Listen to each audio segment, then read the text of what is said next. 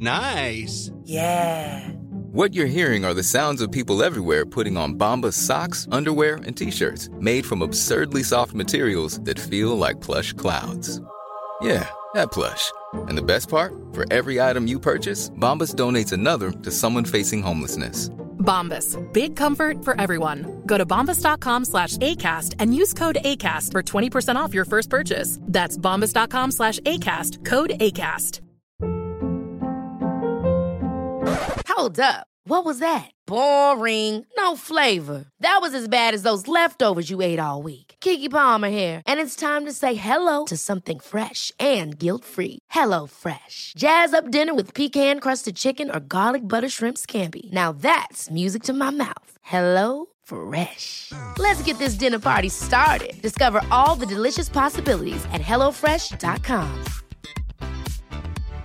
Hi, I'm Daniel, founder of Pretty Litter. Cats and cat owners deserve better than any old fashioned litter. That's why I teamed up with scientists and veterinarians to create Pretty Litter. Its innovative crystal formula has superior odor control and weighs up to 80% less than clay litter. Pretty Litter even monitors health by changing colors to help detect early signs of potential illness. It's the world's smartest kitty litter.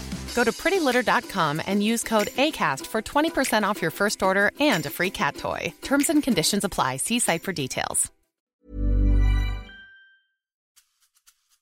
Vi har alla styrkor och svagheter. Jag brukar eh, försöka att bygga på mina styrkor, för det är det som gör skillnad. Där blir det någon slags tillväxt som, som faktiskt gör en skillnad. De svagheter och de svaga sidor jag har, de eh, ska man naturligtvis ha koll på. Men då får jag ju se till att tillsätta eh, kompetens inom teamet som är bra på det jag inte är bra på.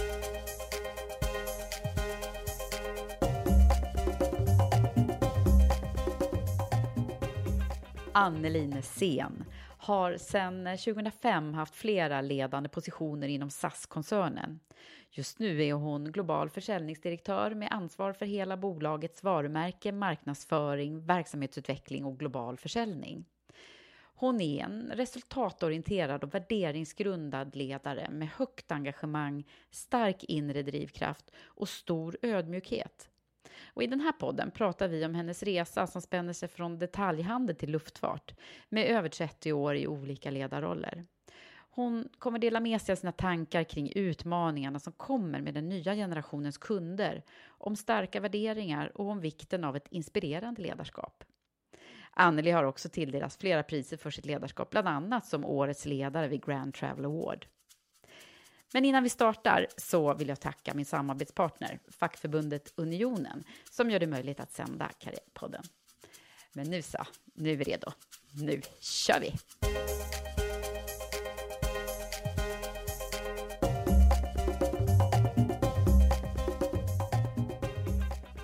Anneli Nässén, välkommen till Karriärpodden. Tack så mycket. Vad roligt att du är här. För att jag var lite orolig här, för, i alla fall för några veckor sedan, eh, att du skulle få för mycket att göra på jobbet och inte kunna komma hit. Ja, ja, det var ju lite risk för det, men som, eh, som tur är är vi över den perioden. Ja, det var stökigt för er där med Ja, det var, det, var, det var lite stökigt och det var ju framför allt väldigt beklagligt för alla våra kunder som blev drabbade under de här dagarna då när vi hade den här eh, strejken. Mm, jag förstår det. Men, mm.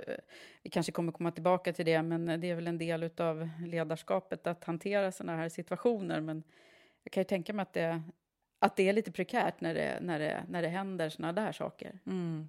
Nej, men det är det. Och det är, de flesta, eller alla kollegor i SAS vill ju... Vi är ju där för att leverera ett kundvärde och det är det vi vill göra. Och få våra kunder ombord på våra flyg och eh, leverera en produkt eh, och den tjänst som vi faktiskt utför. Och den service och kvalitet. Ehm, så det är vi där alla för. Så den här situationen är ju naturligtvis inte riktigt det som är det positiva i det hela. Eh, icke förty så, så fick vi ju eh, situationen löst och nu är vi uppe och flyger igen och kan göra det vi är här för, det vill säga att ta våra kunder fr från eh, sin destination dit de ska. Mm. Men du Anneli, du har ju jobbat jättelänge inom, inom flygnäringen i olika ledande roller. Så vi ska försöka lära känna dig nu och förstå hur din karriär har sett ut. Mm. Var ska vi börja någonstans? Oj, det är svårt. Det är Men vi svårt. kanske ändå ska ringa in det du gör ja, nu till ja, att börja med. Ja. Ja, nej, men jag är då eh, global sälj och marknadsdirektör, heter det lite enkelt. Men det innebär ju de facto, det enkla är att vi, mitt och teamets jobb är att få kunden att älska SAS och få kunden ombord. Eh, så det innebär ju då varumärkesansvarig, marknadsföring, hela den globala säljorganisationen, det, det värde vi ger till våra kunder i form av företagsbearbetning och körten, det är prissättning, det är distribution, um, Star Alliance, alltså våra partners, eh, och kundtjänst. Så det är, mm. Och digitalförsäljningen också då naturligtvis. Så det är eh, all försäljning all, i alla försäljningskanaler, eh, kunder i alla marknader. Mm. Så det är ju rätt mycket folk inblandat i det där gänget kan man tänka sig. Ja, men där. Eh, vi är ju ungefär 300 kollegor runt omkring i världen. Vi har ju säljorganisationerna runt omkring, inte bara i, i Skandinavien utan också i Europa, USA och Asien. Mm. Många av våra kunder, som vi inte alltid tänker på, naturligt, kommer utifrån och in och inte det är inte bara skandinaver som reser med oss, även om vår huvudmålgrupp är den frekventa skandinaviska resenären som reser till och från och inom Skandinavien. Ja. Hur länge har du varit? Jag har jobbat i flygbolaget sedan 2005. Så det är ju några år nu. Det här är nog, jag tror, att min sjunde befattning. Så det, vi jobbar ju med förändring och eh, jag har gjort många olika saker. En, en, en fördel i sån här typ av bolag är ju med snabb förändringstakt. Det är ju att det finns stor möjlighet till eh, utveckling eh, och faktiskt göra många olika saker under kort tid. Det finns många utvecklingsmöjligheter.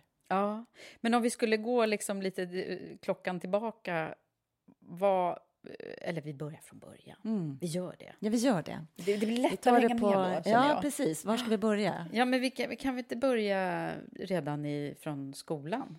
Ja, nej men eh, jag är ju född och uppvuxen utanför Norrtälje, så det är en liten stad utanför Stockholm där eh, jag gick i skolan. Eh, familj, mamma, pappa, tre syskon, stabil, härlig miljö.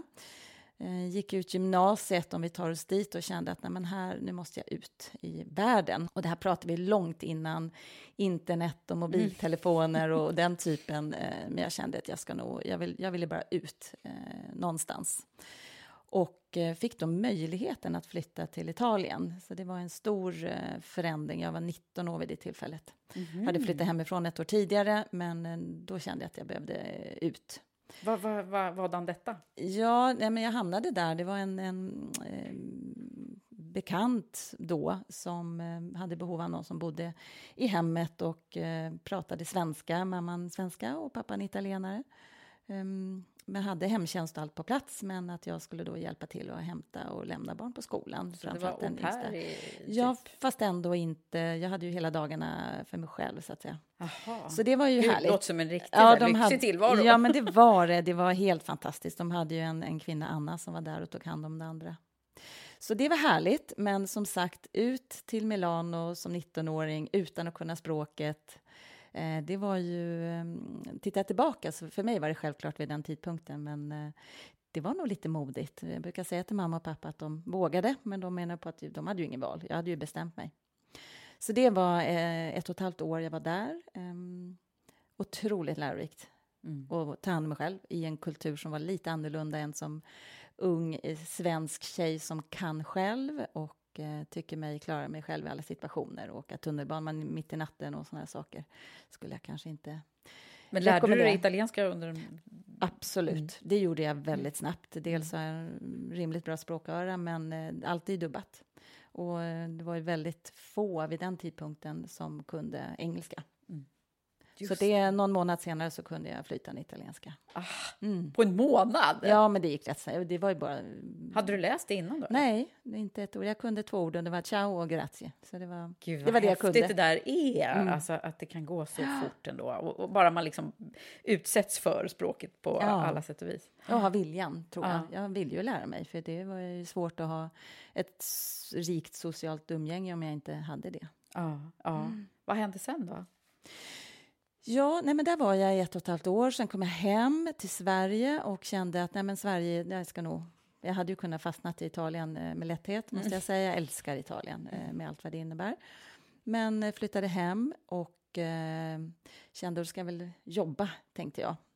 Och kände mig väldigt internationell vid den tidpunkten och tänkte att jag måste jobba med det här på något sätt. Så jag eh, så här, ringde till Arlanda eh, och verkligen ringde till Arlanda. Jag tog upp och letade upp numret till Arlanda flygplats och tänkte där skulle jag kunna tänka mig att jobba. Då var jag 20 eh, och var inte alls redo att gå tillbaka till studierna utan jag ville eh, komma ut och tjäna lite pengar. Och. Så jag ringde till Arlanda och hamnade då eh, pratade med någon på HR, eh, på, eh, på SAS faktiskt, eh, som sa att nej, du är alldeles för ung att sitta in checkningen, men vi har, eh, jag kopplar dig till taxfree-butikerna. Och eh, så där hamnade jag av mm. en liten slump, så jag började som säljare i, i eh, ja, taxfree-butiken taxfree vid det tillfället. Ah. Så, det var en, så då fick jag ju vara i internationell miljö. Kanske inte riktigt det jag hade tänkt mig, men, men äh, älskade det från första stund. Det, men ändå det här med flygplatser. Alltså. Ja, fantastiskt. Det är, det är en, en, eh, den arbetsplatsen, jag älskar ja. flygplatser. För det, det är så mycket också. förväntan och, och ja. känslor och det är något eh, speciellt. längtan. Alltså. Ja, det är mm. otroligt mm. häftigt. Och så är det alltid, även om man är där 5.30 på morgonen som vissa skiften började, så är det alltid folk. Mm. Det så är det ju. Och det, det är liksom alla, det är rörelse, alla är på mm, väg och som ja. du säger förväntan och möten och mm. ja, det, det, är mycket som händer. Mm. Det har jag också alltid tyckt faktiskt och, och uh, jobbat lite ju i den världen så att jag känner igen det där. Mm. Men, men uh, den internationella aspekten, uh, ja, det får man lite då. Men... Ja, nej men det var naturligtvis, det var ju något annat. men hela retail, det arbetet inom service sektorn eh, fann jag ändå väldigt tilltalande. Och den, de produktområden och, och den kunskapen som jag tillförskaffade mig där var, det var lärorikt. Mm. Men tänk dig vad en slump det där är ja. nu då. Liksom, nu tänker man så här, ja men det är inte så konstigt att du sitter i den här, nu är du liksom försäljningsansvarig för hela, mm. för SAS då. Och där började du med sälj och på inom liksom på något sätt mm. flyg och transport. Ja. ja. Nej, men otroligt. Och det kunde jag inte tänka mig då. Jag mm. kände ju inte SAS som flygbolag vid det tillfället. Men eh, otroligt lärorikt. Mm. Otroligt lärorikt. Och den här mångkulturella eh, miljön som en flygplats är mm. också har givit mig mycket ödmjukhet inför både olika alltså medarbetargrupper och personalgrupper men också eh, samhället i stort. Mm. Att faktiskt se världen, eh, hur den ser ut tidigt har givit mig mycket stor ödmjukhet inför uh, olikheter. Mm. Men om man, om man backar klockan ytterligare då, vad, vad, var det för drömmar du hade när du var liten att du ville bli? Mm. Ja, det, det, det, pendlade ska jag väl säga. Jag var inte så stringent i det. Um, jag trodde väl att jag skulle uh, jobba utomlands. Det trodde jag nog. Men det var allt från att jag eh, faktiskt ville bli florist ett tillfälle till att jag trodde att jag skulle jobba som ledare eh, till att jag, ja, jag, jag, pendlade. Jag var inte alls, eh, jag hade ingen tydlig karriärsplan på det sättet. Mm. det jag visste eh, och kände var att jag ville jobba med människor. Att jag ville umgås med eller vara i en situation med andra eh, människor. Vad tror du människor i din närhet ifrån, från barndomen föräldrar och andra hade för tankar om dig? Ja, det, Vad trodde de det, att du skulle bli? Ja, det jag har fått berättat för mig det är att mamma var, och pappa var helt övertygade om att jag skulle bli ledare givet att jag styrde väl upp det mesta och tog initiativ och, och i alla situationer jag någonsin har varit in, involverad i så har jag väldigt svårt att inte ta ledartröjan. Det förstod jag inte när jag var 20, men det, när jag blickar tillbaka så är det det som har varit ett grundvärde. Eh, att viljan, att, viljan att påverka. Mm. Och faktiskt bidra med det jag, det jag kan. Har du syskon? Jag har tre syskon. Mm. Fantastiska. En storebror och en lilla syster och en lillebror. Ah, så jag är nummer två. Du är nummer två. Mm. Nummer två av fyra, varav eh, den yngsta brodern då, han är ju 13 år yngre än vad jag är, så det är en sladdis mm. med, med samma föräldrar. Så det är ett fantastiskt eh, gäng så, och vi har en jättefin relation. Så de mm. är, vi står väldigt nära varandra. Så när man tittar tillbaka på din barndom, vad är det för nycklar man får där eh, till den du är idag? Vad är det för någonting som har präglat dig mest, tror du? Jag är ju nummer två, eh, så jag är inte stora, jag är stora syster till två personer, men jag, jag tog tidigt ansvar. Um, ett exempel som mamma och jag pratade om bara häromdagen var när pappa och mamma skulle åka iväg på en tjänsteresa. Eh, då var min lillebror bebis och jag var 13 då var de borta över helgen med mig som ansvarig. Och då kan jag blicka tillbaka och säga, men hur tänkte ni då? Så 13? Ja, ja, och då var ju min lilla syster och 10 vid den tidpunkten. Men jag hade i huset och tog hand om eh, min lillebror och med mat och allt det där som hör till. men eh, när jag tänker på det så var det ju självklart för mig. Det skulle kunna varit storebror där då? Exakt. Men det var det inte? Nej, det var det inte. Det var nog, det var nog jag som tog den rollen. Ja, men det där är också lite klassiskt tror jag för sig. Mm, mm. Det kan det nog vara. Mm, det kan det nog vara. Men det, ehm, så jag har nog alltid varit den som har tagit stort ansvar. Och all, ibland kanske lite för stort. Jag, jag, ehm, ja, så mm. kan det vara. Så kan det vara. Mm. Men du, annars då? Vem var du när du var ung? Ja, men jag var en, tror jag, en klassisk tonåring. Jag eh, hade en period väldigt tidigt i livet när jag, jag var väldigt sen i min utveckling, så jag var väldigt liten och kände mig eh, absolut inte eh, jag hade rätt dålig självkänsla vid den tiden och, och, i tonåren så var jag nog mest deppig eh, stundtals. Mm. Så där som man kan vara. Men eh, sen eh, över en sommar, från det faktiskt jag gick från nian till gymnasiet, så, så hände det någonting. Då växte jag och blev eh, lång och, och ståtlig tänkte jag säga, men, och då kände jag inte riktigt igen mig själv, för att den Anneli i huvudet var ju den där eh, lilla tjejen som, ja. som var en bra kompis med alla, men som det var inte den killarna vände sig efter, om man säger så, i mm. tonåren. Eh, så det var, jag slet nog lite grann med mitt själv, eh, självförtroende, självkänsla, och, mm. som många gör. Ja. Eh, så den tiden längtar man ju inte jättemycket Nej, tillbaka de till. de där åren, är det mm. speciellt? Alltså, ja. Jag vet inte hur många jag har pratat med som alla har väldigt liksom, komplexa minnen kring den där tiden när man försöker hitta eh, sig själv och vem man är och, ja. och jämför sig med andra. Och... Ja, då vill man ju vara precis mm. som alla andra, eh, till skillnad mot nu. Nu vill man ju inte vara det. Mm. Men i den åldern så är det så viktigt, den här bekräftelsefasen och tillhöra och, och bli accepterad. Mm. Och tonåringar är ju inte alltid jättepedagogiska mot varandra och är man då inte den populära och, och snygga så, så kan det ju bli lite jobbigt för självförtroendet. Mm. Eh, för det är ju rätt tydliga ord som sägs även på skolgården när man är yngre. Oh. Inte för att det är någon trauma i mitt fall, men jag, jag, minns att jag hade några år där som jag tyckte var jobbigt. Oh. Jag, säkert drivaren till att jag ville bort eh, och skapa mig en ny Eh, ett nytt, en ny start på ett sätt och när jag åkte till Italien. Ja, så blev det den där som blommade ut då? I... Ja, men där var jag ju bara från början och, och hade ingen, ingen bagage på den delen. Nej. Men som sagt, ingen större trauma. Men det var inte... Jag, jag pluggade hårt. Um, var ville, duktig ville vara duktig. Naturligtvis var jag en mm. duktig flicka. Det mm. var, jag, jag var nog bekräftelsesökande och då är man ju eh, genom att vara duktig i alla situationer så fick jag min bekräftelse på det, mm. genom eh, vad jag gjorde snarare då än vad jag tyckte kunna förtjäna genom den jag var. Ja, det där är också... En, en klassiker. klokheter som landar senare ja, i livet. Tänk om man var så här klok då. ja, eller hur? Ja. Okej, men då, och sen så hamnar vi där på, på Arlanda. Mm. I, hur länge var du i den miljön då? Ja, man kan säga att min karriär eh, är uppdelad i två just nu. Då. 15 år var jag inom den retail-delen, eh, eh, inom detaljhandeln och, och, nu 14 år då inom flygbolaget. Sen eh, ägde ju SAS den de taxfree-butikerna vid det tillfället. Så många frågar mig, har du varit på SAS så länge? Och då försöker jag förklara att ja, alltså ägarstrukturen var sån, men detaljhandel var de första 15. Mm. Så det jag gjorde där var att jag gick eh, in i en arbetsledande roll relativt tidigt, fick ett förtroende av min dåvarande chef, klev in som arbetsledare och eh, tog mig an ja, ledaruppgifter för första gången och eh, hade tidigt eh, några klassiska utmaningar med det. Det var lite missbruk och någon sjukdom och någon, lite snatteri och lite, lite smått och gott. Så att den paletten fick jag snabbt fylla eh, genom bara ren erfarenhet. Rätt mycket tuffa samtal, ung och väldigt oerfaren. Ja. Så det minns jag att jag hade väldigt många klumpar i magen och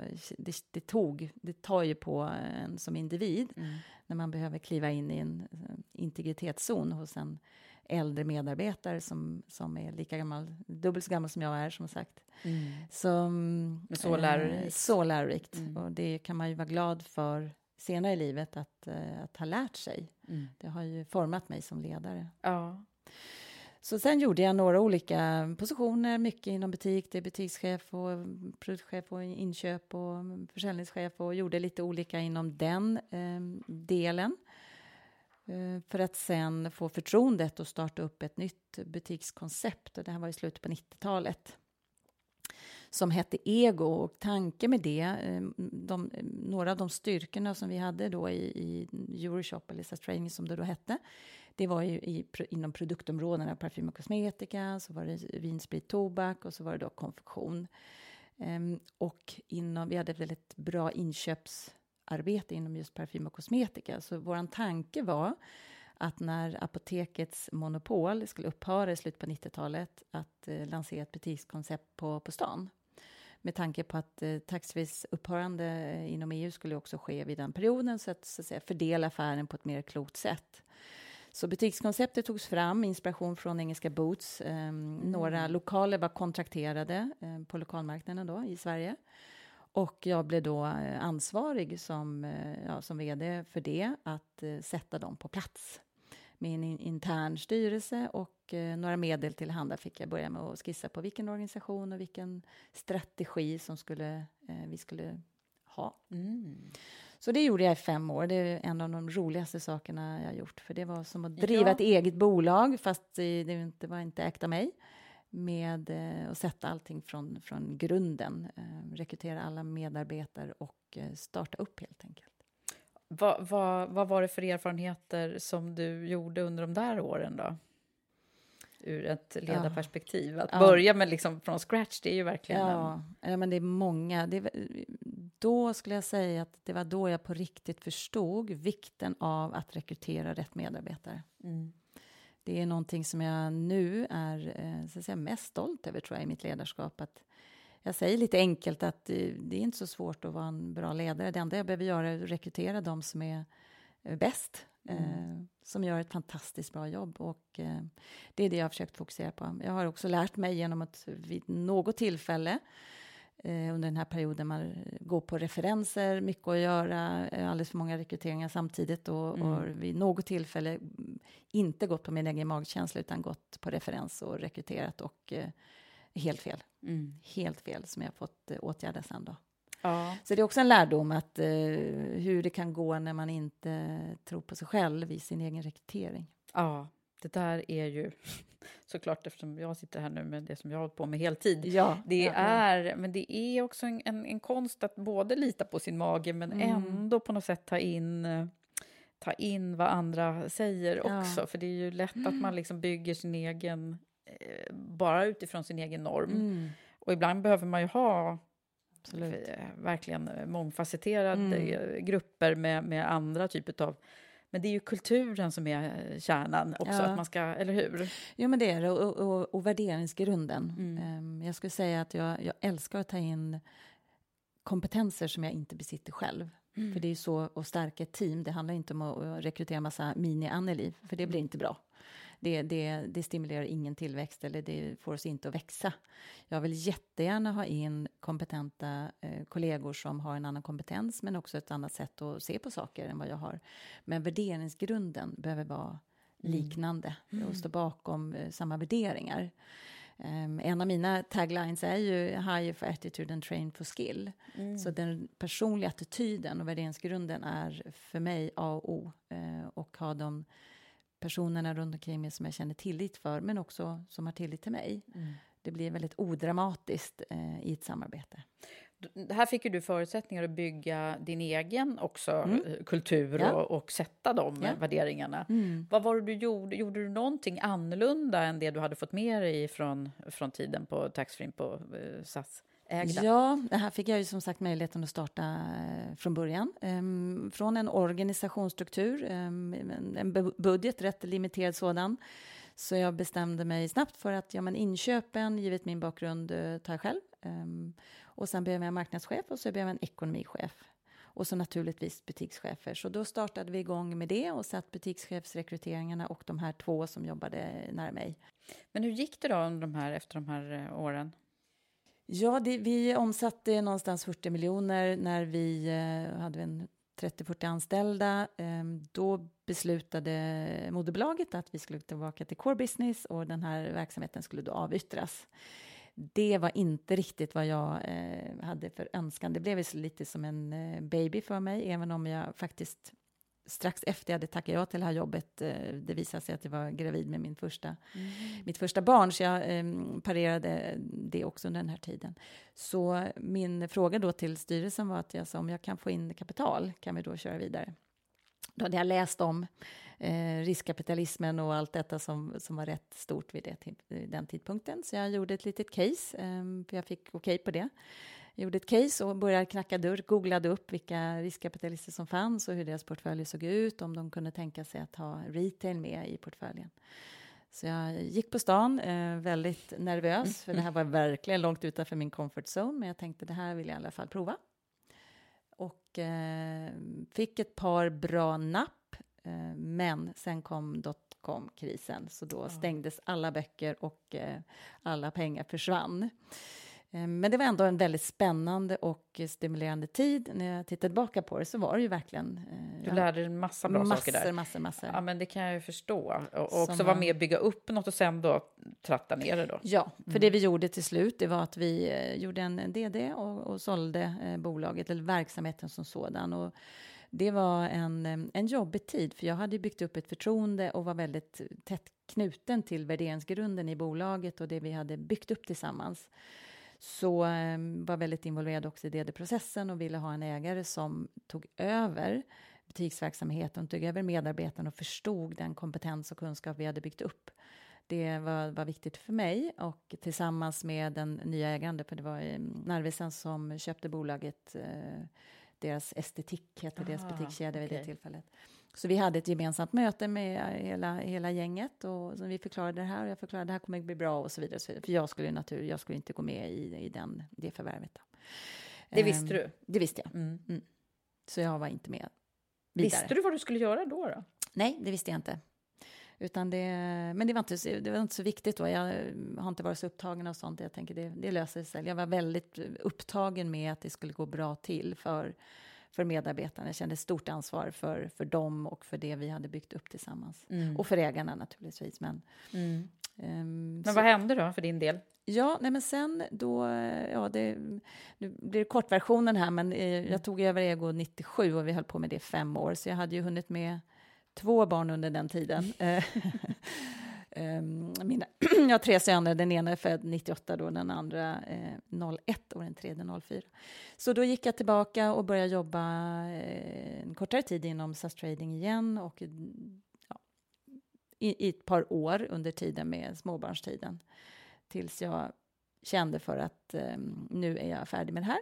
Då, eh, då hade jag precis fått mitt tredje barn eh, och sa upp mig och kände tack, det här var en fantastisk resa. Jag har gjort otroligt mycket, eh, men 15 år eh, i princip hade ju då gått. Mm. Eh, kände mig helt redo att göra någonting annat. Startade ett bolag, tänkte jag ska nog bli egen här nu.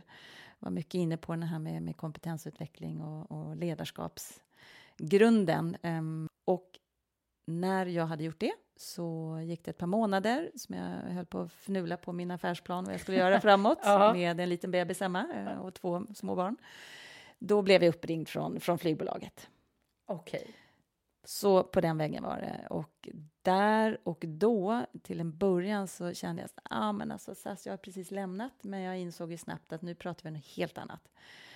För det var ju en stor koncern vid det tillfället och flygbolagsdelen um, hade jag ingen som helst uh, varken insyn eller kontakter. Jag kände ingen där. Det var en helt separat. Mm. Och gå från detaljhandeln in i transportindustrin ja. var ju faktiskt det det var. Ja, precis. Det, är ju, det var bara liksom Arlanda som var knutpunkten. Ja, och så naturligtvis passagerarna då, eller kunderna som jag hade benämnt dem innan. Uh, det är ju kunder nu också, men, men det var en helt annan dimension. Så mm. um, lång historia kort om det så uh, tog jag mig an ett uppdrag som um, presenterades då. Det här var 2005. Och därifrån så har det varit ett antal olika ledarpositioner. Jajamensan. Och har allting handlat om sälj och den kommersiella?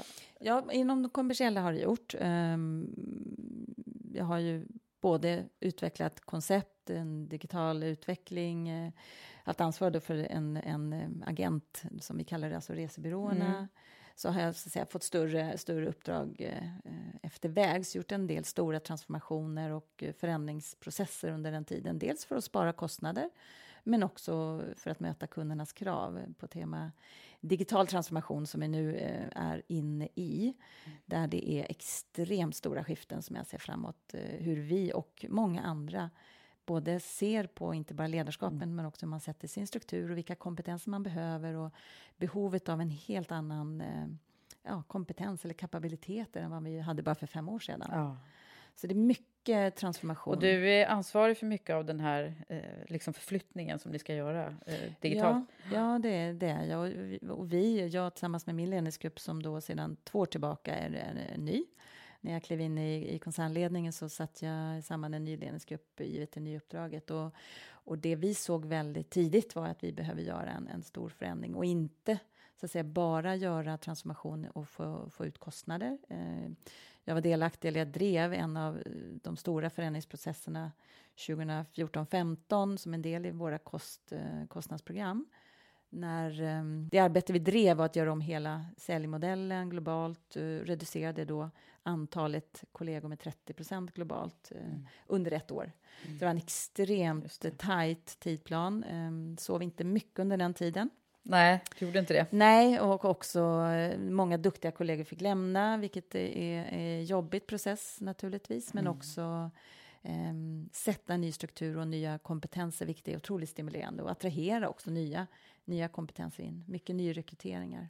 Ja, men det är ju verkligen ett... Alltså, ni har ju gått igenom redan eh, stålbad, mm. kan man väl säga, och, och ett varumärke som du, du sa det här innan vi slog på mickarna, att det är många som känner liksom, mm. alltså alla har ju en relation till SAS på något sätt och, och ett tyckande mm. säkert om en massa saker, mm. om vad ni borde göra eller vad ni inte borde göra. Ja, nej, det... Eh, så är det ju mm. säkert, men och, och, spännande att följa er resa, för nu är det ju så många utmaningar som man ser mm. med både liksom det vi diskuterar kring flygandet och hållbarhetsfrågan ja. i mm. sig och sen så det som händer nu med med, med strejken. Jag förstår ju liksom att ni, ni verkligen tampas med eh, mm. varumärkesbyggande också. Mm.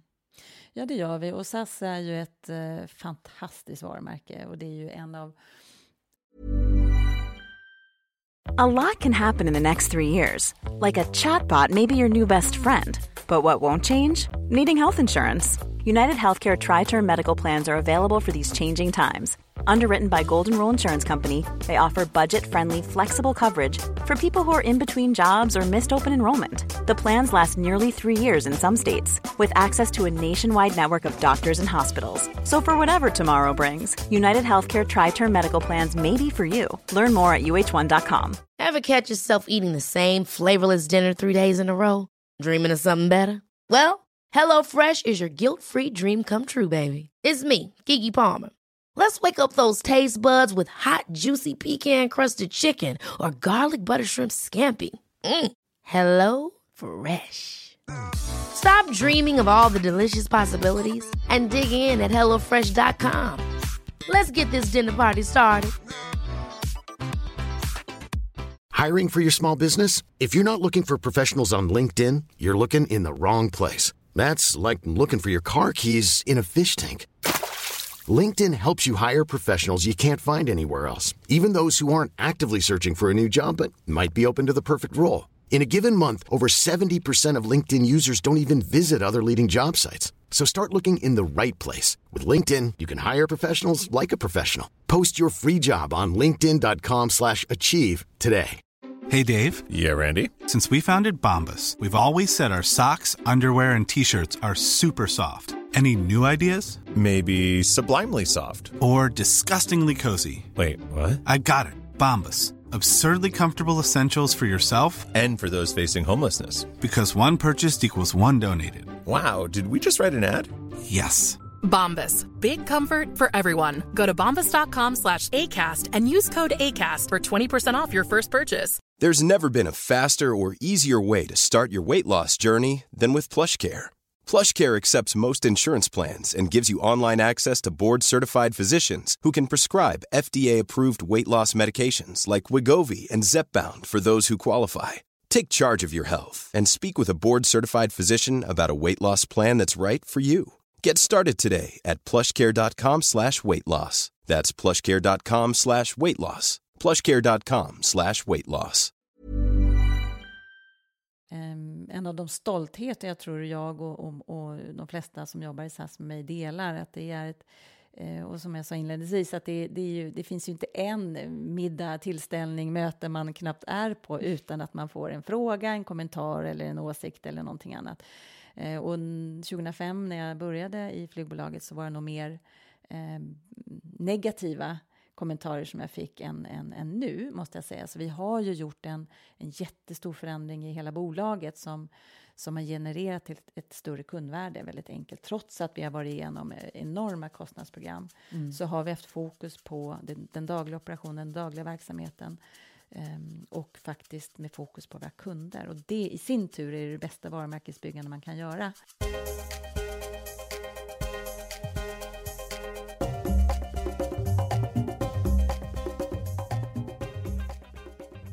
Men du, om man pratar om, om, om ledarskap som jag vill prata med dig om. Mm. Nu, nu har ju du en, en uh, härlig position i en koncernledning som uh, består av... Uh, jag tittade här innan du kom. det är väldigt många män och sen är det du och en annan kvinna. Mm. Som, som är HR och kommunikation, var det så? Mm. och då undrar man ju genast, hur, hur är det? Ja. Det var en väldigt öppen ja, fråga. en väldigt öppen fråga. Ja, nej men det, så är det. Eh, och jag är ju naturligtvis jättestolt att vara eh, medlem i SAS koncernledning för till en början med eh, och vara en av två kvinnor också. Um, jag tror att vi har, tittar jag i historiken, nu har vi funnits i dryga 70 år, um, så vi är vi, har väl inte varit så många kvinnor historiskt. Eh, några, till exempel Maria Erling, har ju suttit i ledningen och var också vice vd och så vidare. Men som med ett relativt tungt kommersiellt ansvar är inte jättemånga historiskt. Men eh, Är det mig, ens några? Nej, Någon inte vad kvinna? Jag, inte vad jag nej, tror. Du är jag, den första. Jag har inte, jag har inte jättelusläst, måste jag erkänna. Nej. Men eh, det är vad jag fått berättat för det mig. Det är ju häftigt, Anneli, att du har den rollen nu. Det, du får gå i bräschen för det här nu. Ja. För det är ju mycket av det som är nycklarna, att liksom ha det kommersiella och affärs och resultatorienterade mm yrkena. Det pratar vi jätteofta om här i mm, podden. Mm, att mm. det är så klassiskt att vi kvinnor annars hamnar på marknad och HR och mm. de mer liksom... Eh, det är ju här, det är här man kan påverka verkligen. Jo, men där, och nu är det flera duktiga kollegor i ledningen också som har... Eh, vi delar ju lite på ansvar på olika håll, men, men verkligen. Och det är ju, för mig är det... Jag har ju alltid haft en ambition att vilja påverka. Eh, och makten är inte viktig för mig. Det är, jag är helt oviss. Jag är verkligen inte uh, ute efter det i sig, men att förmågan att kunna påverka. Och sitta då på de kommersiella nycklarna är ju fantastiskt. Mm. Eh, men igen, um, att vara en, en av kvinnorna i ledningsgruppen, det, det ser jag som en, en, stolthet och det är jag otroligt stolt för.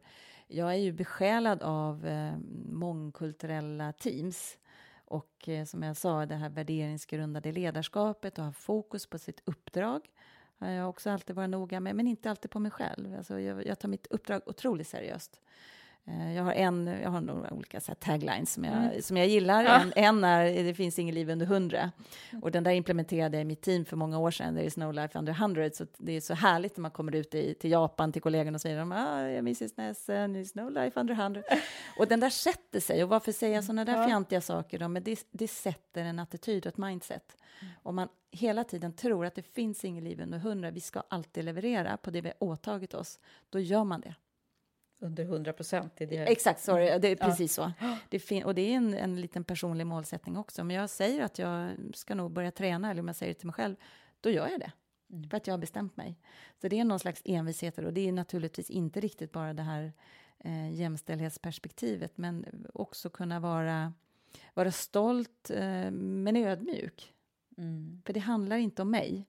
Det handlar om att där jag är nu så har jag en möjlighet att göra en förändring både för, för bolaget och det, det kommersiella arbete vi driver, men också då som kvinna. Mm. För jag kan inspirera många yngre kvinnor runt omkring, eh, men jag kan också ta ansvar för att alltid rekrytera duktiga kvinnor också. Jag har duktiga män eh, också i min ledningsgrupp.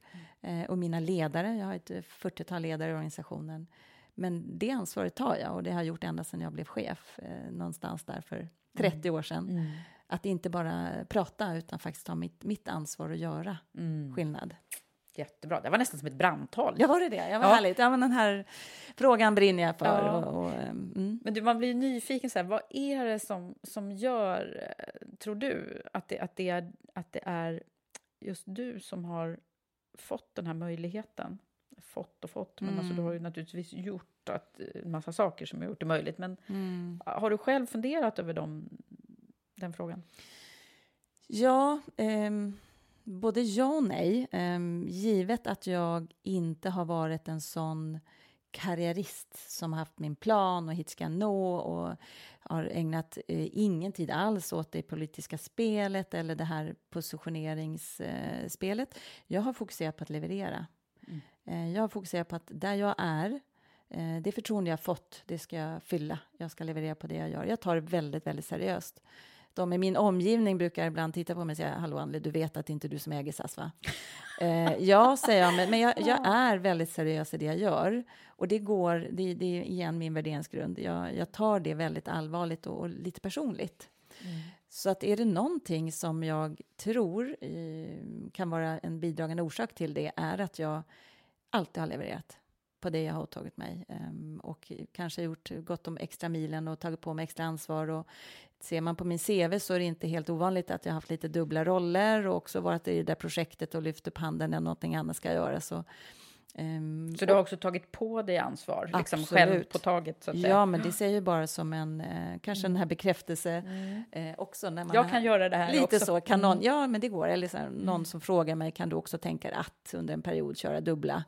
Eh, ja, och på bekostnad kanske av mig själv några gånger. Men, så att är det någonting, eh, igen, jag, jag, tror ju på eh, det där med att jobba hårt och jobba, och vara, jobb, ja, jobba hårt. Ja. Det verkar ju som det. Du får ju väldigt mycket lovord här som jag också har läst om när jag har gjort research på dig här. Ex extremt kompetent, affärsmässig och lojal i sådana ord som, som eh, kommer eh, när man pratar om dig.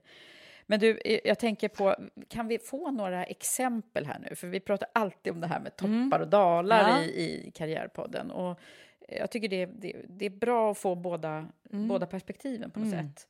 Om, om du bara skulle tänka på någon höjdpunkt till att börja med? Då? Vi, vi börjar med de roliga mm. grejerna. Vad är, vad är det roligaste som du, som du kommer på när, när vi säger det? Ja, det finns så mycket. Ehm, de roligaste sakerna, bland det som har givit mig mest tillfredsställelse är de gånger jag har lyckats se någon talang ehm, externt eller internt rekryterat. Ehm, många gånger har det varit kvinnor som är lite som bort, bortglömda eller kanske inte någon har lyft. Eh, men att få en annan individ att förstå att de har större förmågor än vad man själva trodde.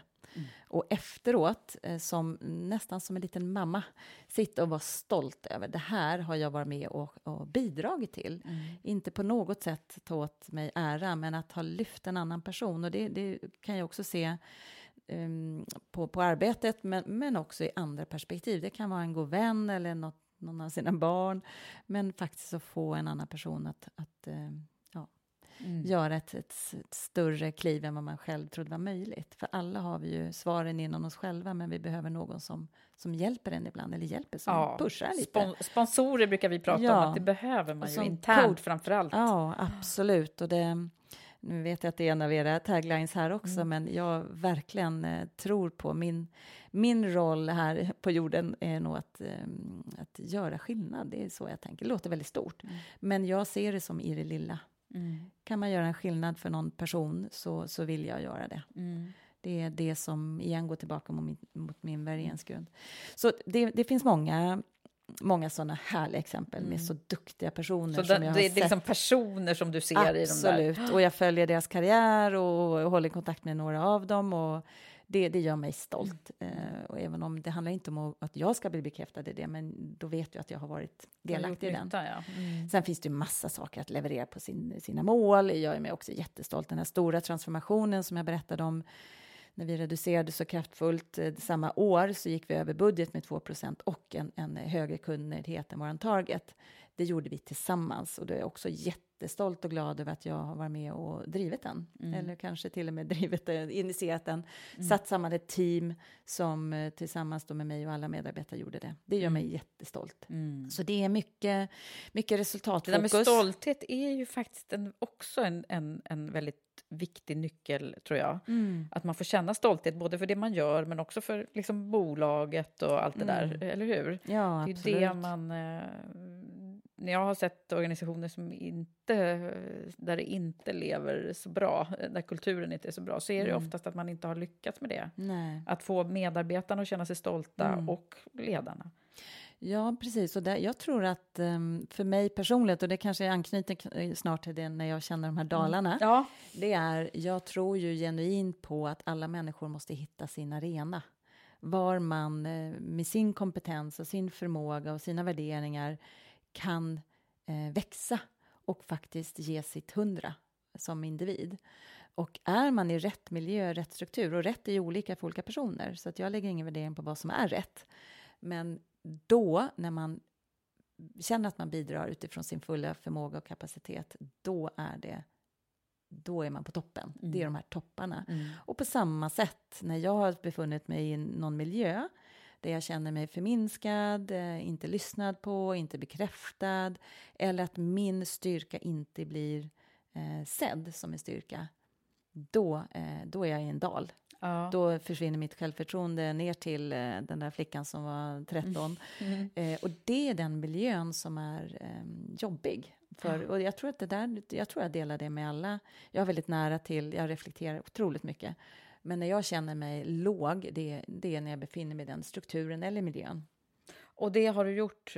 Eh, kan vi få någon, någon beskrivning av vad, vad som hade hänt när du Ja, men det kan vara, mm, utan att vara specifik, men det kan ju vara en, en person som, eh, som agerar med någon härskarteknik som faktiskt går rakt in mot eh, den igen värderingsgrunden man har, mm. som gör att man blir genuint påverkad. Mm med den typen av beteende som inte alls eh, jag står bakom. Om man blir utsatt för något sånt av en eh, kollega eller en, ja, någon man jobbar med nära eh, är ju otroligt jobbigt. Ja.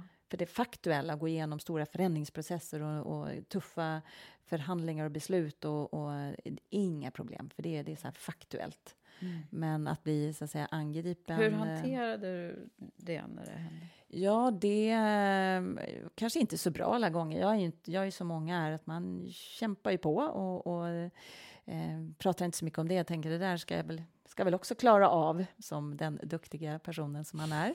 eh, det, det som hade varit rätta svaret är ju ja, söka söka komma över det. Men, men, men än en gång, det är, det är inte alltid man kan påverka den situationen att ta sig därifrån själv. Nej, man måste ju också tillåtas liksom hamna i ja. förstås, svackor. Men, men det intressanta är väl också hur man jobbar med sig själv för att, mm. för att komma ur det. Ja. Nej, men där, eh, jag tror jag lovat mig själv tidigt att jag inte ska befinna mig i miljöer eh, där jag inte då, eller den, de arenor eh, som, där jag inte får ut min fulla kapacitet, där jag inte mår bra så att säga, där inte mina styrkor eller den förmåga jag har um, mm. är bra. När du har suttit i de här eh, till viss del de mansdominerade miljöerna eh, eller grupperingarna, mm. eh, vad, tro, tror du att du gör annorlunda än eh, andra, eller vad har du för knep? Ja, jag, jag, tror inte, jag tänker inte så mycket på det. Um, som jag sa, jag, jag brinner väldigt mycket för uh, den här jämställdhetsfrågan. Den är en hjärtefråga för mig. Jag eh, analyserar inte dagligdags. Jag har ju befunnit mig i, i, i SAS idag är det ju inte, vi har en, en bra kultur utifrån det här. Jag har många exempel. Jag var, i, jag var chef eh, i en struktur för många år sedan när vi gick på ett event, jag och min medarbetare, och medarbetaren var en man. Eh, jag var 25 med, med långt ljust hår och, och väldigt ung. Mm. Och när vi kom in på den här stora dit vi var medbjudna, jag och min då mycket äldre manliga medarbetare, så gick ju den personen fram och naturligtvis hälsade inte på mig. Mm. Utan det var min manliga kollega som blev hälsad på och jag fick en blick, precis som att jag var någon som bar portföljen. Eh, varpå jag stod och tittade och tänkte det här var ju intressant, men det, var ju, det roligaste var en kvart senare när den samma person fick komma tillbaka till mig när han hade insett att han hade hälsat på fel person. Då, att det var jag som var den som han faktiskt skulle eh, positionera sig för. det kan ju ge någon slags tillfredsställelse, för jag förstod att det där var ju otroligt jobbigt för den personen mm. att behöva eh, krypa. du behövde inte nita dit Nej, jag behövde inte det. Jag behövde bara le lite lättare, så var point taken, så att säga. Men sådana situationer har jag ju varit med om många gånger. Mm. Um, också internationellt. När jag var jobbade som eh, med, med, med inköp då när jag tillbaka till taxfreebutikerna och så var det ju inom, inom vin var det väldigt mycket eh, lokala vinhandlare i, runt om i Europa som skickade saker till oss. Det var inte en av dem som det stod Mrs på, utan det var ju alltid Mister. Mm. Och när de kom, de här eh, från uppflugna då, från, från vingårdarna, mm. 100 procent män, mm. så blev många av dem chockade när de såg att det var mig de skulle träffa och faktiskt göra affärer med. För att jag var ju inte bara kvinna, jag var också ung. Eh, spännande. Oh, det är ju helt mm. otroligt. Du, vad hände? Jag satt och tänkte på metoo eh, när det satte igång. Eh, då var ju vi redan upp up and running och jobbade med Women for Leaders. Mm. Eh, och det var många som ville prata med oss då, både mm. företagsledningar och, och andra som, mm. som helt plötsligt kände att nu måste vi verkligen ta tag i det här. Men hur, mm. hur, vad hände hos er? Var, var det liksom en, en eh, aktualiserad fråga? Ja, vi diskuterar ju den i ledningen. Det är ju en, en otroligt viktig fråga. Och eh, jag är ju helt överens med många om att, att, ha, att den är uppe, att det blir transparent. Det är ju det viktigaste i sig. Att det finns så mycket som faktiskt har varit normaliserat under många år i, på mängder av, eh, i många branscher. Det är ju, det är ju förfärligt. Mm. Så det här eh, hoppas jag och många med mig att det här är inte någon, något uppror eller då tar man frågan helt fel, utan det handlar ju faktiskt om något helt annat. Så när, när vi, eh, det vi diskuterade, vi eh, gick ju igenom och såg eh, hur det såg ut hos oss mm. och eh, har, fann ju inte på faktiskt någonting. Vi, vi tror vi har en bra värderingsgrund. Sen finns det vissa delar i, i vår operativa verksamhet, men det är också hur en del av våra medarbetare ombord, till exempel i kabinen, blir behandlade av eh, några kunder och det finns ju andra dimensioner mm. som, som ligger inom samma skrå. Eh, men utifrån ett eh, SAS-kulturperspektiv så, så såg vi nog att vi inte har någon stor problem Nej. inom det perspektivet. Sen är det mycket kvar, som alla bolag, tror jag, mm. att jobba på. Om vi mm. tittar på andelen män-kvinnor-fördelningen. I, I vissa personalgrupper så har vi ju nästan bara kvinnor. Och vissa personalgrupper har vi nästan bara män. Och sen har vi en ledarstruktur som är eh, på, på mellanchefsnivå, så att säga, som är, är, ser bra ut utifrån mm. det. Men vi tittar väldigt mycket och jobbar mycket med våran, våran utveckling för, för ledare och vilka som, det här, jag ska inte säga talanger, för det är absolut fel, men de individer hos oss som som vi ser har en utveckling och, och har rätt andel av både min, eh, kvinnor och män, men också med en annan bakgrund. Mm. Vi är ju väldigt skandinaviska som bolag, det vill säga vi ser, ser ut på lite lika sätt, framförallt om man tittar på de kommersiella delarna och kanske i ledning. Eh, I den operativa verksamheten är det något helt annat. Och vår kund, vår kundstock ser ju är ju verkligen diversifierad. Så ja, jag menar det. Man det där med jäm, jämställdhet mm. går ju så, så, så brett. Inte ja. bara hela genusfrågan är en jätteviktig del i det, men det finns många dimensioner som är viktiga. Mm. Det gör ju det. Och nu ska du faktiskt få en fråga av min samarbetspartner som jag tror nästan är det här som vi är inne på. Men, men du kanske kan konkretisera lite grann då. Ja. För att det är nämligen en fråga som kommer från Unionen. Mm -hmm. Och de har då specialdesignat en fråga. Den här har du inte fått reda på. Nej, eh, de har spe specialdesignat en fråga till dig. Och den lyder så här. Vad gör ni för att öka jämställdheten på chefsnivå? Det skulle jag då säga att genom att ha en medvetenhet och faktiskt säkerställa att de eh, i våra rekryteringsbaser, att det finns relevant antal, eh, både kvinnor och män, i, i, i basen. Det skulle jag säga som en del i det. Men också att vi jobbar med den typen av förebilder som jag också har nämnt, att faktiskt utse mm, män och kvinnor med olika bakgrunder på de befintliga ledarpositionerna vi har och ha det här uppe som en en dialog i våra årliga reviews som mm. vi gör. Vi har ju något som vi kallar people review när vi tittar på eh, både ledar eh, performance men också tillväxten per enhet som vi sen kaskaderar upp till koncernledningen. Vi tittar på den på aggregerad nivå. Mm. Så vi har en väldigt transparens i eh, balansen både mm, ålder, genus, eh, ja, olika kompetenser och så vidare. Ja, så vi har ett strukturerat arbete, mm. skulle jag säga. Det är bra. Mm. Hoppas att Unionen var nöjda med det svaret. Ja, det hoppas vi. Ja, ja. Eh, men du, sen har jag en fråga som jag alltid eh, ställer numera. Mm. Det är säkert ja, tio, mer än tio avsnitt som jag har valt att, att diskutera det moderna ledarskapet mm. med mina gäster. Mm. Eh, då har vi redan pratat om ledarskapet från ja. ditt perspektiv, men om vi nu tar sikte på framtiden mm. ännu längre fram än vad vi kanske mm. kan blicka så undrar jag, vad, vad, är det du tänker på först när, när, vi, när vi pratar om det moderna ledarskapet? Mm. Ja, då tjatar jag om den här värderingsgrunden igen. Um, tror, um, jag tror mig veta och förstå att det är det... Den yngre generationen är ju, har ju en annan typ av profil och ser på arbetslivet på ett annat sätt än vad, vad vi gjorde, än vad jag gjorde. Det är inte alls viktigt med den här prestigen och titlar, eller ja, inte alls viktigt, men, men det är inte lika viktigt, utan snarare liksom hur, hur min utvecklingsplan ser ut och uh, viktigt med företagsvärderingar. Mm. Vad, vad står man bakom? Det ser vi både utifrån ett rekryteringsperspektiv men också kundperspektiv. Där den yngre generationen eh, verkligen tar i sin handling tar avsteg från bolag som inte levererar en hållbar produkt eller ett, ett hållbart ledarskap. Mm.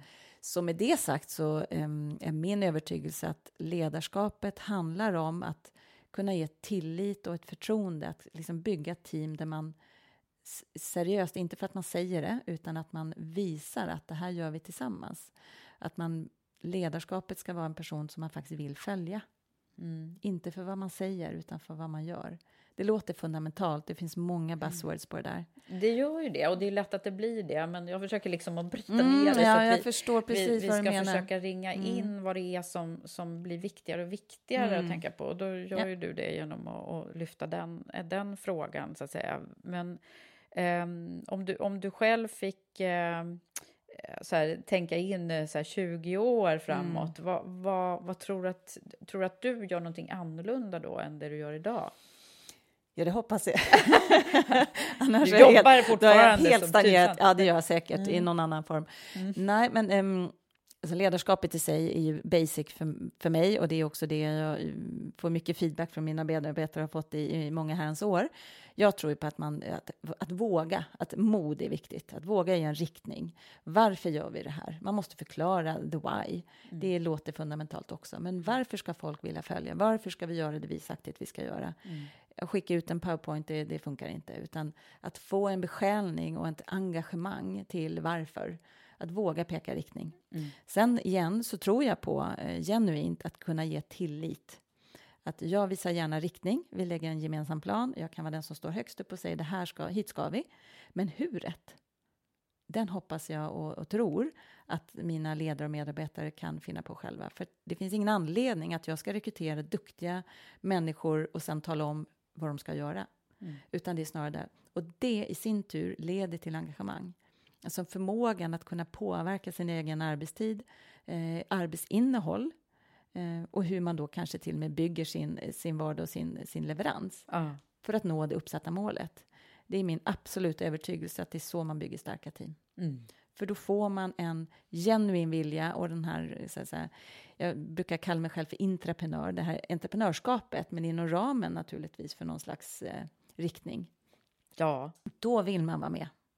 Det där tror jag också att där behöver vi liksom få hela eh, ledare, chefsledet att, mm. att också leva det här mm. fullt ut eh, om, om det ska funka i längden. Ja, men så är det. Och, det och inte liksom sitta bakom stängda dörrar och eh, eh vara någon liksom sådär. Någon chef? Ja, Nej, men den, det, det, liksom det är vi... väldigt få som går igång på den. Eh, ja. Och det vet jag också, mm. vi, ni har pratat om tidigare, men den strukturen är ju för länge sedan död. Mm. Att ha någon slags direktionsvåning där mm. höga chefer sitter inlåsta och aldrig mm. visar sig varken hos kunder eller medarbetare.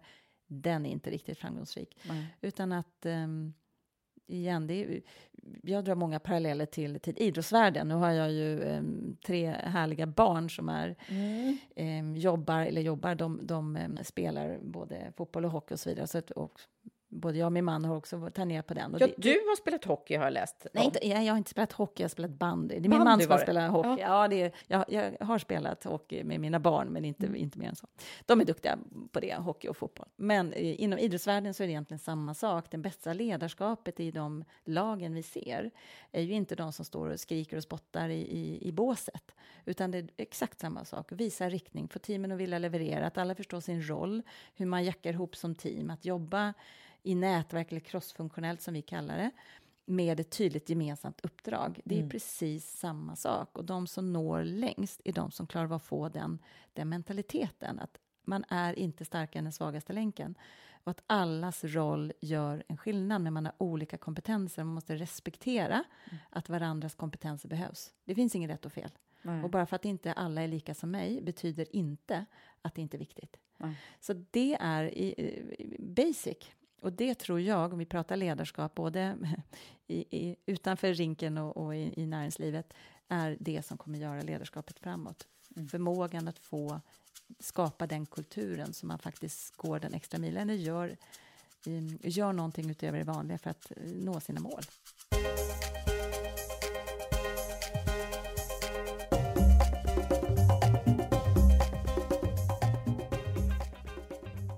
Nu ska vi försöka ringa in och uh, göra en uh, liten konklusion av mm. dina lärdomar. Wow, det blir spännande. det kommer gå så här lätt. Nej, men alltså, jag brukar säga det att om man själv skulle kunna försätta uh, både dig och mig till 20-25-årsåldern och mm. att, att vi skulle veta det vi vet idag. Mm. Fast då, vad, vad, vad är det för någonting som du hade behövt höra när du var Ja, mycket tror jag. Ehm, jag hade ju haft, hade älskat att ha någon, någon mentor eller något liknande vid, det, vid den tidpunkten, även om jag har haft mycket eh, förebilder runt omkring. Det som kommer med erfarenheten är väl just precis det, att inte vara eh, så osäker i teorierna. Vi har väl alltid varit förstagångsledare och man läser ledarskapsböcker och man försöker pränta in hur man ska vara utan att förstå hur jag är själv och bygga på den inre grunden. De inre förmågorna som jag har och bygga på dem.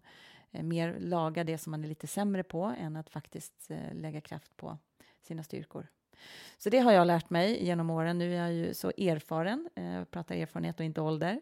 Så idag så, så är jag grundad i mig själv och har så stark eh, tro på eh, ja, det jag kan och inte kan och, och är den jag är. Mm. Det är väl någonting som man ska ge ett råd till en 20-åring, att försöka att hitta vem du är och lita på det. Mm. Och bygg på dina styrkor. Mm. Det är, vi har alla styrkor och svagheter. Jag brukar eh, försöka att bygga på mina styrkor, för det är det som gör skillnad. Där blir det någon slags tillväxt som, som faktiskt gör en skillnad. De svagheter och de svaga sidor jag har, vilket alla har, de eh, ska man naturligtvis ha koll på. Men då får jag ju se till att tillsätta eh, kompetens inom teamet som är bra på det jag inte är bra på. Mm. Men inte försöka fixa de där små procenten som man tycker man är dålig på, utan istället lägga full fart på, på dina styrkor. För det är ja. det som kommer göra skillnad. Precis, och inte älta de där svagheterna. I sin... Nej, för det, det har bättre vi alla. att älta styrkor. Ja, och mm. är man, har man en sån personlighetsprofil som jag och många med mig har, så är vi ju våra största kritiker det, jag kan ju få 40 eh, positiva saker och sen så, har, så är det någonting jag tycker jag har gjort dåligt och då kan jag, åh, dålig det. Mm. kan jag sitta i bilen hem. Och det är inte alls så, så konstruktivt naturligt, det vet jag. Mm. Men ändå är det där man är och det måste man också jobba med, att vara lite mer förlåtande, att inte ha så höga krav på sig själv. Eh, men igen, försöka hitta sina nycklar. Vi, vi behöver alla nycklar och, och någon som känner en väldigt väl, som kan titta en i ögonen och säga, men nu är du så där igen. Mm. Jag har, några... har du någon sån ja, som det säger det till dig? Det har jag. Mm. Jag har några omkring mig, eh, goda eh, personer som, som ser rakt in och kan mig väldigt väl. Och mm. det är, eh, att ha de här ventilerna behöver vi alla ha, oavsett eh, vem det är, att ha någon som, som sagt, man kan vara helt oförställd med och faktiskt bara gå in på djupet. Mm. Det är otroligt viktigt att hitta de ja. personerna. Tack snälla Anneli för ja, att du har varit tack. här. Ja, men tack för att jag fick komma. Tack Anneli och stort, stort lycka till. Hoppas att du som lyssnat fick riktigt mycket i dig och blev inspirerad du också. Och du, du har väl sett att rekryteringen är i full gång inför höstens programstart av Women for Leaders Premium Leadership Program. Är du en kvinnlig ledare med chefserfarenhet som vill få ny kunskap, inspireras och bli ännu bättre? Läs mer och ansök på vår hemsida. Till sist vill jag rikta ett tack till min samarbetspartner Unionen, ett fackförbund för privatanställda tjänstemän.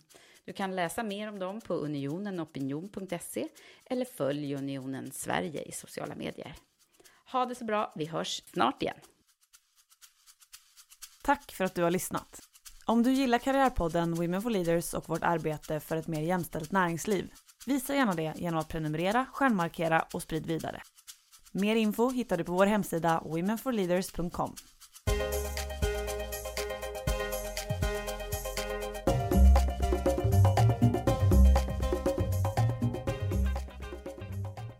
Producent Cornelia Axelsson. Hi, I'm Daniel, founder of Pretty Litter. Cats and cat owners deserve better than any old-fashioned litter. That's why I teamed up with scientists and veterinarians to create Pretty Litter. Its innovative crystal formula has superior odor control and weighs up to 80% less than clay litter. Pretty Litter even monitors health by changing colors to help detect early signs of potential illness. It's the world's smartest kitty litter. Go to prettylitter.com and use code ACAST for 20% off your first order and a free cat toy. Terms and conditions apply. See site for details. Hold up. What was that? Boring. No flavor. That was as bad as those leftovers you ate all week. Kiki Palmer here, and it's time to say hello to something fresh and guilt-free. Hello Fresh. Jazz up dinner with pecan-crusted chicken or garlic butter shrimp scampi. Now that's music to my mouth. Hello Fresh. Let's get this dinner party started. Discover all the delicious possibilities at hellofresh.com.